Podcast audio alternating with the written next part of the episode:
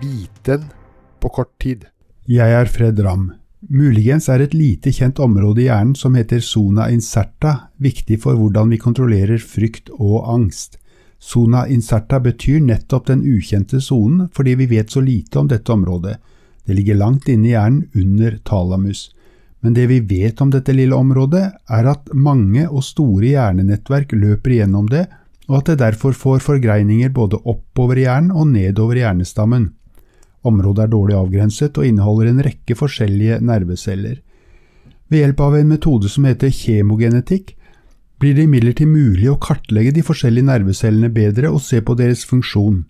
I en upublisert studie, en pilotstudie ved universitetet i Melbourne, har forskere vist at ved å aktivere bestemte celler i zona incerta, klarte dyr å kontrollere en innlært fryktrespons og samtidig bygge ny hukommelse der de lærte at det som tidligere hadde skapt frykt, ikke lenger var farlig.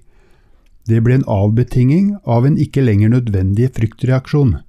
Automatiske fryktreaksjoner er noe vi noen ganger trenger for å holde oss utenfor fare, men vi ønsker ikke lenger at tidligere traumer skal prege våre liv når situasjonen er annerledes. Det er i dette lyset at denne begynnende forskningen vurderes som særlig interessant.